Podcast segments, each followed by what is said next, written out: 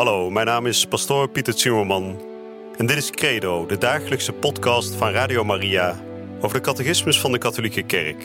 Samen dringen we elke dag een beetje dieper door in het prachtige plan van liefde dat God met elk van ons heeft.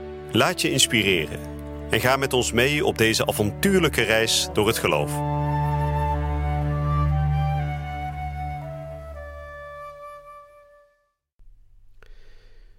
Vrienden, welkom terug bij het programma Credo, waarin we deze dagen de, het Credo, de geloofsbeleidenis van de kerk, van heel dichtbij aan het bekijken zijn. we zijn nu aan het spreken over God als Vader, Zoon en Heilige Geest.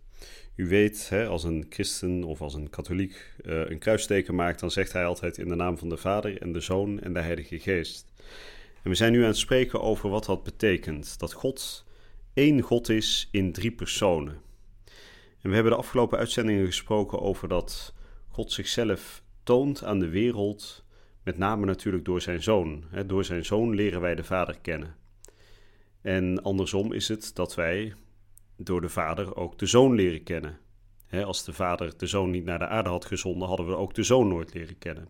Dus die twee die zijn intiem, innig met elkaar verbonden. En we hebben bij de vorige uitzending gehoord dat de derde persoon, de Heilige Geest, net zozeer met die twee andere personen God is. Eén God, drie personen. En hoe dat nou precies zit in de verhouding tussen die drie personen, daar gaan we het vandaag nog meer over hebben. We gaan vandaag nog uitgebreider spreken over wat het betekent dat de Heilige Geest voortkomt uit de Vader en de Zoon. We hebben in de vorige uitzendingen gehoord dat Jezus geen schepsel is van God. En zo is de Heilige Geest ook geen schepsel van God. Nee, hij is voortgekomen uit God. Hij is geboren uit God, maar wel voor alle tijden. dus niet gemaakt door God, één in wezen met Hem, net zozeer God als God zelf God is, maar wel voortgekomen uit Hem. Nou, dat klinkt allemaal heel ingewikkeld en het is ook niet zo makkelijk. Als het heel makkelijk was geweest, dan waren we er al lang over uitgepraat, maar we zijn er al 2000 jaar over aan het praten. Goed, we gaan daar vandaag ook nog een klein schepje bovenop doen. Dus we gaan vandaag nog meer spreken over wat betekent dat nou? Wat betekent het dat de Heilige Geest voortkomt uit de Vader en de Zoon? En ik lees vandaag de nummers 245 tot en met 248. Maar we zullen weer beginnen met een kort gebed. In de naam van de Vader en de Zoon en de Heilige Geest. Amen. Hemelse Vader, we weten dat uw waarheid niet alleen maar te kennen is door geleerde mensen, maar dat u uw waarheid vooral openbaart aan de kleine en aan de kinderen. We weten dit omdat Jezus, uw zoon, dit zegt in het Evangelie. We willen vragen dat u ons ook klein maakt, dat u ons maakt als kinderen, dat we ontvankelijk worden als kinderen voor uw waarheid. En dat we het diepe mysterie van de drie-ene God die u bent, dat we dat in alle eenvoud mogen aannemen en dat u ons toont wat dit betekent.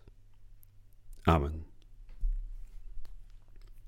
Ik lees voor de nummers 245 tot en met 248. Het apostolisch geloof betreffende de geest is door het Tweede Ecumenische Concilie van Constantinopel in 381 als volgt beleden.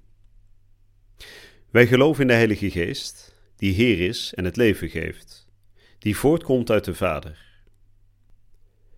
De kerk erkent daarmee de Vader als de bron en de oorsprong van heel de Godheid.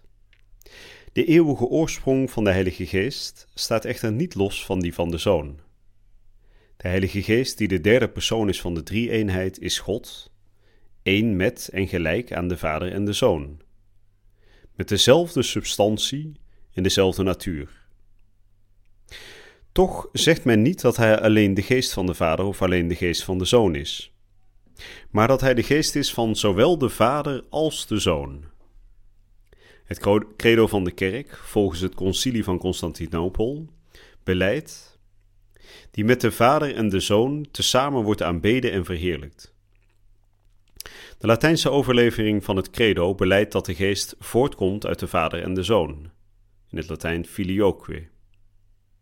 Het concilie van Florence van 438 zegt uitdruk, uitdrukkelijk: De Heilige Geest komt van eeuwigheid af voort uit de Vader en de Zoon, en heeft zijn wezen en zijn op zichzelf zijn, zowel van de Vader als van de Zoon, en van eeuwigheid af komt hij voort uit beide, als uit één beginsel en door één adem.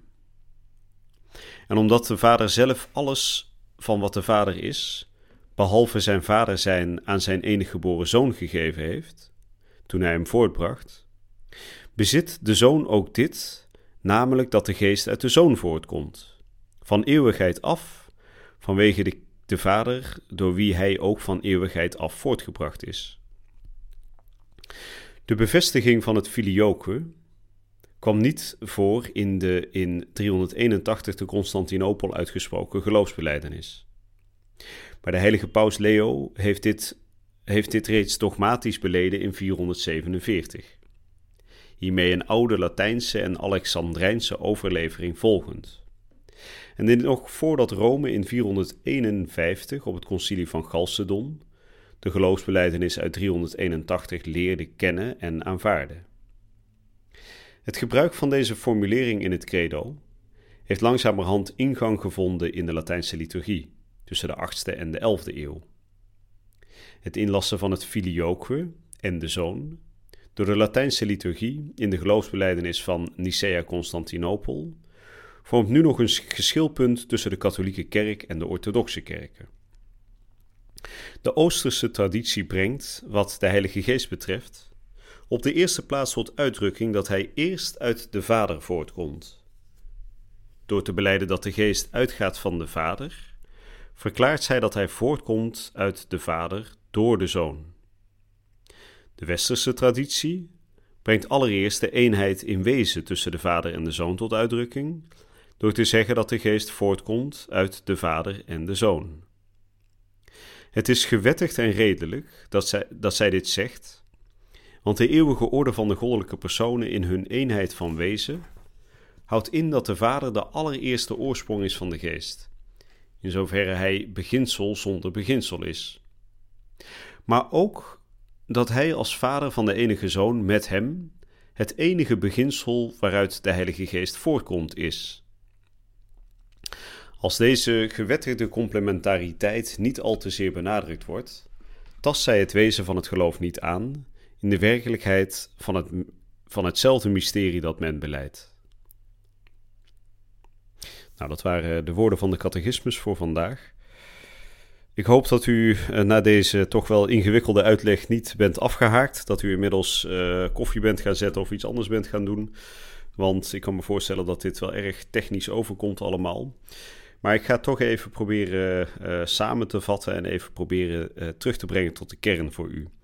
Er staat hier heel ingewikkeld beschreven wat een van de grote geschilpunten is tussen de Rooms-Katholieke Kerk en de Orthodoxe Kerk. Een van de redenen dat ongeveer duizend jaar geleden ook de splitsing kwam, is het vraagstuk van de Heilige Geest. De vraag wordt dus vandaag gesteld: hoe moeten wij spreken over de Heilige Geest? Hij is een van die drie goddelijke personen. Hij is net zozeer God als de Vader en de Zoon God zijn. Maar hoe spreken we daarover? En de geloofsbeleidenis die zegt dan: we geloven in de Heilige Geest, die Heer is en het leven geeft, die voortkomt uit de Vader. De Vader, zoals we hebben besproken, is um, ja, de oorsprong van al het vaderschap. En uit hem komt dus die zoon en die geest voort. Dat betekent niet dat ze jonger zijn omdat ze pas later zijn voortgekomen. Nee, want we hebben besproken dat dit alles gebeurt buiten de tijd. Dus vanaf eeuwigheid, vanaf de eeuwigheid, zijn de Vader en de Zoon en de Heilige Geest aanwezig. Maar we geloven wel dat er een bepaalde um, orde in die drie personen is. Waarbij de Vader degene is die de Heilige Geest en de Zoon laat voortkomen. Nou, vervolgens wordt dan de vraag gesteld: komt nou die Heilige Geest? En het klinkt misschien een beetje als muggenzifterij of als haarkloverij, maar toch is dit een ontzettend belangrijk punt geweest in de hele controverse tussen de Oosterse en de Westerse kerk. Komt die Heilige Geest nou voort alleen uit de Vader of uit de Vader en de Zoon? En dan denkt u misschien wel, ja, wat maakt dat nou uit? Nou, dat is toch wel heel wezenlijk voor ons geloof, zullen we later gaan zien. In de, Oost, in de Oosterse kerk wordt er dus gezegd dat de Heilige Geest uh, voortkomt uit de Vader door de Zoon. Maar de katholieke kerk zegt nee, hij komt niet alleen voort door de Zoon, hij komt voort uit de Vader en de Zoon. En waarom is dit zo belangrijk? Omdat we hier ook um, duidelijk aangeven als katholieke kerk dat in die hiërarchie tussen de Vader en de Zoon die twee allebei exact gelijk zijn. dus dat de Vader niet belangrijker is dan de Zoon, ook niet meer God is dan de Zoon, niet boven de Zoon staat, maar dat ze allebei evenzeer God zijn. Eén in wezen met de Vader, zoals het, uh, het credo ook zegt. Dus het wezen van die Zoon is hetzelfde als het wezen van de Vader en is hetzelfde als het wezen van die Heilige Geest. dus in de kern, in de essentie zou je kunnen zeggen, in het wezen zijn ze volledig gelijk. ze hebben wel verschillende functies, hè, om het even een beetje uh, eenvoudiger te zeggen. Nou, nou tot slot uh, spreekt dan de catechismus dus vandaag over ook dat de Heilige Geest met de Vader en de Zoon tezamen wordt aanbeden en verheerlijkt. Het zou ook vreemd zijn als dat met de Heilige Geest niet gebeurt, want dan zet je hem eigenlijk op een lager plan. Dan zeg je Vader en Zoon zijn God, maar de Heilige Geest die hoeven we niet te aanbidden en niet te verheerlijken, want die zou minder zijn. Nee, zegt de kerk, ze zijn alle drie van dezelfde uh, goddelijke substantie, hè, van hetzelfde goddelijke wezen. En daarom moeten Vader, Zoon en Heilige Geest op dezelfde manier worden aanbeden en verheerlijkt. Nou, laat het maar even allemaal landen en onthoud maar, u hoeft niet alles mee te nemen van deze, van deze lessen, van deze catechismus. Het belangrijkste is dat u de kern er telkens uitpakt en dat u zo beetje bij beetje die prachtige taal van ons geloof leert te spreken. Je luisterde naar Credo, de dagelijkse podcast van Radio Maria over de catechismus van de Katholieke Kerk. Credo is iedere werkdag te beluisteren op Radio Maria. Maar je kunt de afleveringen ook in je eigen tempo terugluisteren op onze website, in de app of op Spotify en de andere platforms. Via de website radiomaria.nl vind je dagelijks de link om de bijbehorende teksten uit de catechismus mee of terug te lezen.